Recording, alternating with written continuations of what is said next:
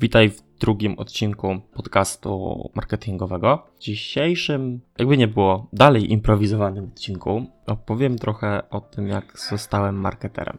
Jak to się wszystko zaczęło, jak zacząłem się to pasjonować. Zaczęło się to w sumie bardzo dawno temu, bo odkąd pamiętam, e, zawsze mnie to interesowało. Pierwsze zlecenie, które dotyczyło stricte marketingu, to było zlecenie na pozycjonowanie stron internetowych, dokładnie jednej strony, pewnego salonu masażu w Bydgoszczy. Ale zanim generalnie do tego zlecenia doszedłem, no to się uczyłem. Dużo się uczyłem. To były czasy, kiedy ja zaczynałem, klikanie w maile było bardzo popularne. Było kilka takich bardzo popularnych programów, systemów, jak zwał, tak zwał, z ich wypłacalnością bywało różnie, ale generalnie wystarczało to na jakieś tam dodatkowe yy, szaleństwa. Wtedy to naprawdę było dużo pieniędzy, nawet jeżeli to było na przykład 100 zł, to miałem ile? 3, od 13 lat w górę. Generalnie zabawne jest też to, że ja jako tako do 18 nie miałem komputera w domu. Tutaj e, musiałem sobie radzić i tutaj miałem jakby dwa miejsca, gdzie korzystałem z komputera z internetu. Pierwsze to był telepunkt, gdzie, gdzie był komputer pokazowy z zawrotną prędkością internetu. To się co chwilę zmieniało, ale to było około 512. Później poznałem pana Andrzeja, który prowadził sklep komputerowy i generalnie z części, które mu tam gdzieś zostały, mogłem sobie złożyć komputer i korzystać tam u nich w takim jakby wolnym miejscu. Też im w zamian za to też im tam trochę pomagałem. No i yy, klikając w te maile, coraz częściej zaczęły te systemy kantować. No i musiałem coś wymyślić. No i tak wpadłem na programy partnerskie. Programy partnerskie, wtedy program partnerski mój pierwszy to był Złote Myśli, później znalazłem Piotra Majewskiego i kilka innych blogów. Zacząłem się uczyć. Zaczęło mnie to coraz bardziej wciągać. Nie chodziło stricte o same pieniądze. Zaczęło mnie to wciągać w takim naprawdę pozytywnym sensie, że jeżeli już czegoś zacząłem szukać w internecie, no to właśnie pod kątem biznesu, marketingu, jak zarabiać więcej z programów partnerskich i tak dalej, i tak dalej. To był ten fajny etap, kiedy nie miałem budżetu na szaleństwa, nie miałem budżetu na AdWordsy, jakieś inne kampanie i żeby nie szedłem na łatwiznę. Musiałem się naprawdę wszystkiego nauczyć. Później dostałem właśnie to zlecenie na pozycjonowanie tej strony, no ale wiecie jakie to wtedy były czasy, ale może i nie wiecie. Wtedy były czasy, kiedy wystarczyło odpalić taki pewien program, który automatycznie dodawał do katalogu. W sumie pozycje same szły w górę. Nie trzeba się było zbytnio nad tym skupiać. Oczywiście ja starałem się robić tak najlepiej. Czytałem nowinek, przeglądałem forum PIO i naprawdę wiele, wiele, wiele się też uczyłem w sumie na żywym organizmie. Nie robiłem żadnych eksperymentów, bo swojego pierwszego bloga miałem dużo później. W międzyczasie założyłem forum e biznesie, które w zasadzie miało jeden cel sprzedawania jakichś tam książek, zbierania sobie bazy mailowej użytkowników. To forum do dzisiaj działa, aczkolwiek nie jestem dzisiaj z niego dumny on po prostu wisi w internecie, wchodzi na nie bardzo dużo osób, ale no nie, nie, nie skupiam się jakby na nim. Później przyszedł czas na blog turystyczny, no i kiedy już założyłem tego bloga turystycznego, ja już jakby miałem kilka działań takich swoich podjętych w temacie marketingu, żeby się w tym jednak kierunku rozwijać, bardziej i marketingu, i już stron internetowych. Bo kiedy założyłem pierwszego bloga, to najpierw byłem na tej ścieżce mm, darmowych blogów na Blogspocie, to mi się nie spodobało. Później to był już etap WordPress.com, aż w końcu kupiłem swój pierwszy serwer w Active Hosting, obecnie Kylos, no i zacząłem prowadzić tego swojego bloga turystycznego, który naprawdę wtedy był jak na moje, y, moje oczekiwania popularny, tak? Mi wystarczało te 4,5 tysiąca osób na miesiąc, no ale później z czasem chciałem zrobić więcej. To, że doszedłem do tych 4,5 tysiąca, to też wiadomo, ja byłem młody, musiałem się jeszcze uczyć, nie było to łatwe,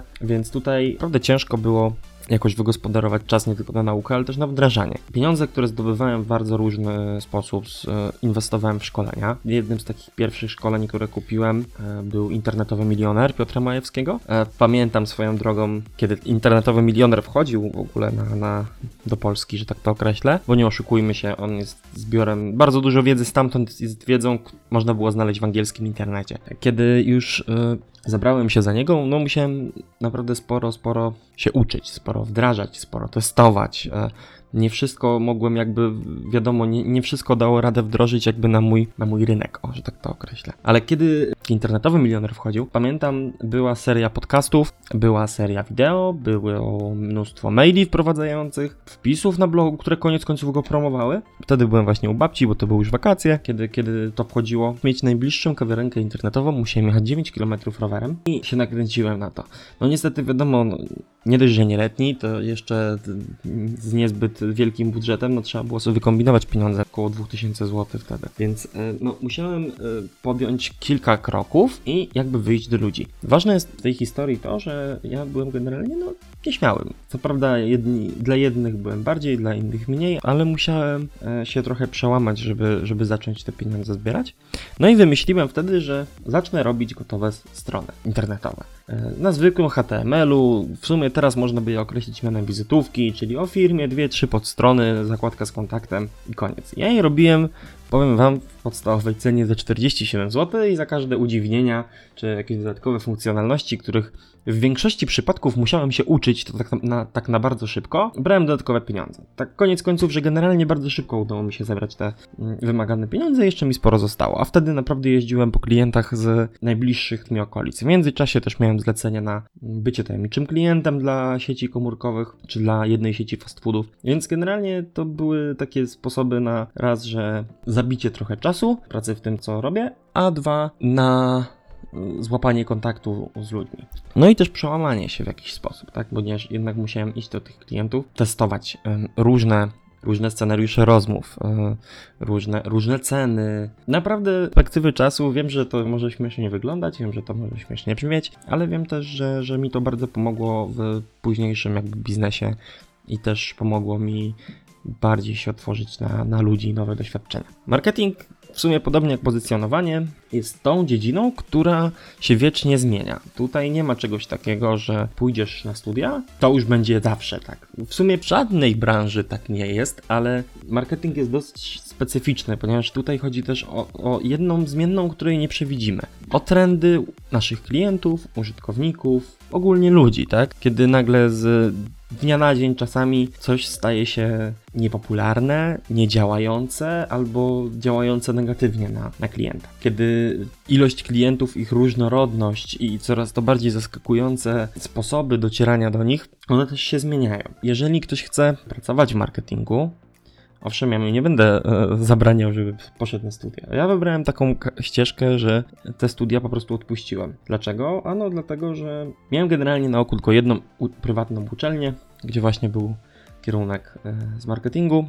Nie powiem, bo nie był to tani kierunek. No i musiałem podjąć decyzję w końcu, czy, czy będę szedł na studia, czy nie. No i koniec końców wybrałem, że nie idę. Dlaczego?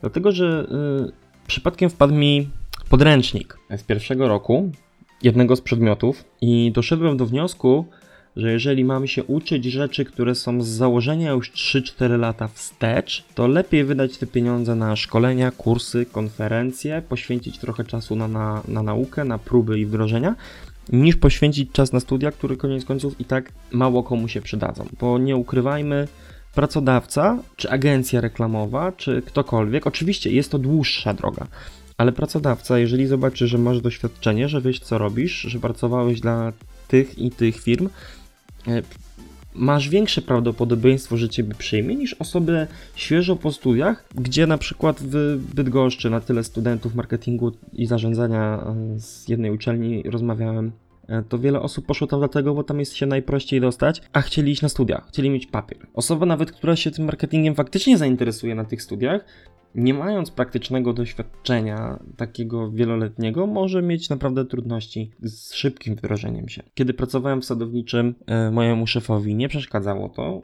Nie przeszkadzało mu nawet to, że jestem jakby jedynym pracownikiem, który ma kierownicze stanowisko i nie ma studiów pod, w, żadnym, żadnym kierunku. I tutaj e, chodziło głównie o doświadczenie, o pomysły, o to, jak są realizowane, o to, jak w jakim kierunku zmierza firma i czy wszystkie te krytyczne wskaźniki, za które jestem rozliczany, idą do góry, czy spadają, czy nie. No wiadomo, że jak spadają, to, to, to, to, raczej długo bym był, długo bym tam nie był, aczkolwiek byłem tam no, prawie dwa lata, że postanowiłem wrócić do Wrocławia, no to niestety musieliśmy się rozstać. Także tutaj na zakończenie, na zakończenie tego nagrania najważniejsze, naprawdę, jeżeli chcesz zostać marketerem, jeżeli chcesz działać coś w tym temacie, to najważniejszą rzeczą nie jest pójście na studia, znalezienie pracy i później to, żeby jej nie cierpieć, tylko trzeba naprawdę trzeba w tym siedzieć.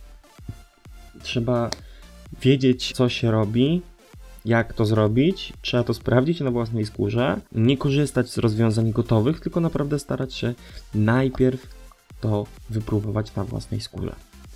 tylko po to, żeby mieć dla siebie wiedzę chociażby, co nam wychodzi, co nam nie wychodzi, co możemy poprawić, podpatrzeć dzięki temu działania innych.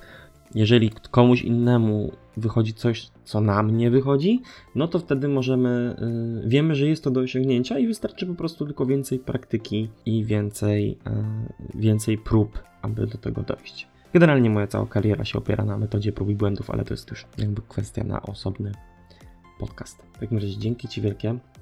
Pozdrawiam serdecznie. Jakub Jaworowicz.